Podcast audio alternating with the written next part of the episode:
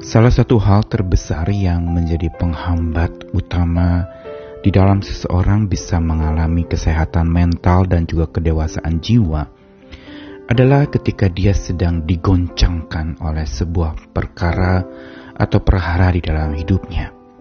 Goncangan yang dari mana pun juga atau dari siapa pun juga yang menyebabkan dia mengalami yang namanya keterpurukan dia mengalami bagaimana dia diombang-ambingkan oleh goncangan-goncangan pergumulan yang melanda hidupnya.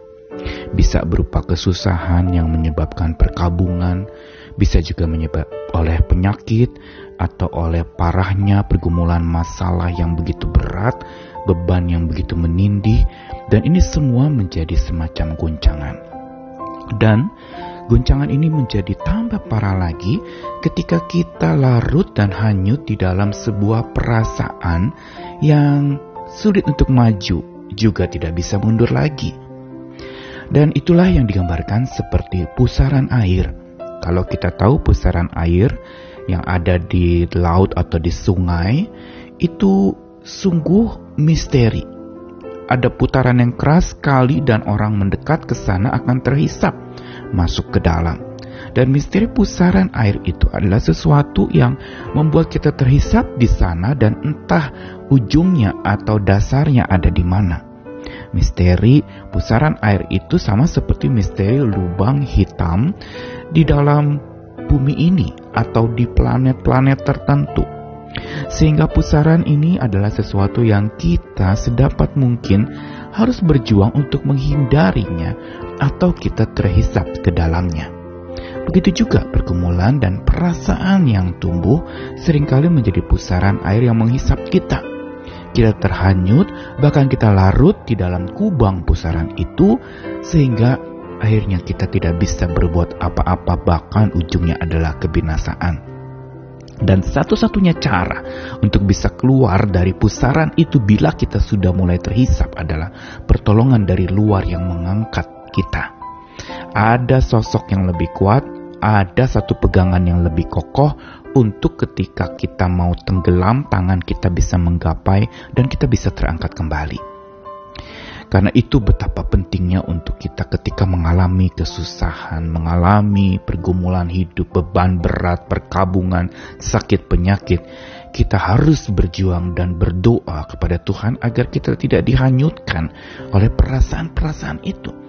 Karena hanyutnya perasaan itu dan larutnya kita dalam perasaan itu akan menyebabkan kita menjadi mandek dan tidak dapat lagi bertumbuh menjadi dewasa, mata terasa gelap, tidak dapat melihat titik terang lagi. Karenanya kita perlu belajar agar tidak dihanyutkan oleh susah dan kabung. Saya Nikolas Kurniawan kembali menyapa lagi dalam Sabda Tuhan yang menyapa kita hari ini. Kali ini dari cuplikan surat Paulus kepada jemaat di Efesus pasal 4 ayat 13 sampai 15 yang memberitahu kepada kita tentang goal atau sasaran dari kehidupan orang percaya yaitu sampai kita semua telah mencapai kesatuan iman dan pengetahuan yang benar tentang anak Allah, kedewasaan penuh dan tingkat pertumbuhan yang sesuai dengan kepenuhan Kristus.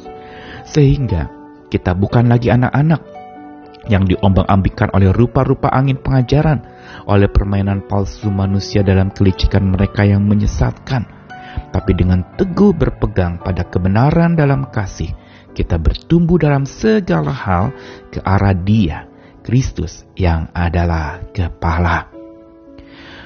Paulus mengingatkan kepada jemaat di Efesus tentang makna sebuah pertumbuhan dan sasaran dari pertumbuhan orang percaya, yaitu mencapai kesatuan iman dan pengetahuan. Jadi bukan saja percaya tentang Tuhan, tetapi juga memiliki pengenalan yang benar tentang Tuhan.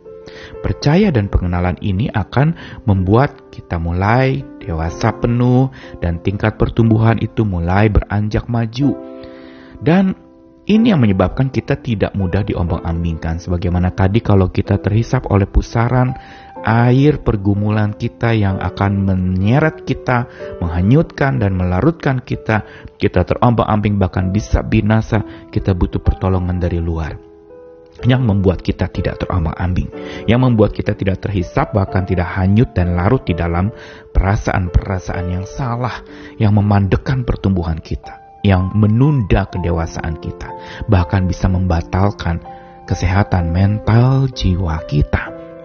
Karena itu, apa yang Paulus ingin katakan adalah supaya kita benar-benar berpegang kepada kebenaran di dalam kasih itu yang dikatakan. Berarti apa? Kita tidak bisa mengingkari akan sebuah kebenaran fakta dalam hidup kita yang kita hadapi entah beban berat, sakit penyakit, perkabungan, perpisahan, kehancuran hidup, kegagalan ekonomi, dan usaha yang sedang merat-marit. Kita harus berpegang pada kebenaran dari Tuhan dan kita harus menerima memahami bahwa itu adalah satu fakta yang kita tidak bisa batalkan. Tetapi ada catatan, berpegang pada kebenaran itu di dalam kasih. Dengan kata lain bahwa kita melihat fakta yang kita hadapi itu dari sorot pandang cinta kasih, bukan dari sorot pandang yang penuh ketakutan. Bukankah dalam kasih tidak ada ketakutan itu yang kitab suci katakan?